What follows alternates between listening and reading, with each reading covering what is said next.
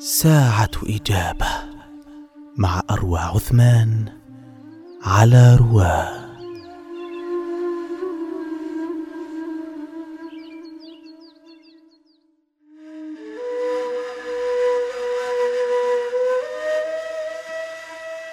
اللهم صل على مقبول الشفاعة.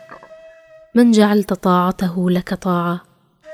اللهم اجعلنا في المعاد تحت لوائه. وأدخلنا تحت كنف جاهه وعلاه واجعلنا من أصفيائه وأوليائه. يا رب العالمين اللهم إني أسألك القرب إليك والاعتماد عليك.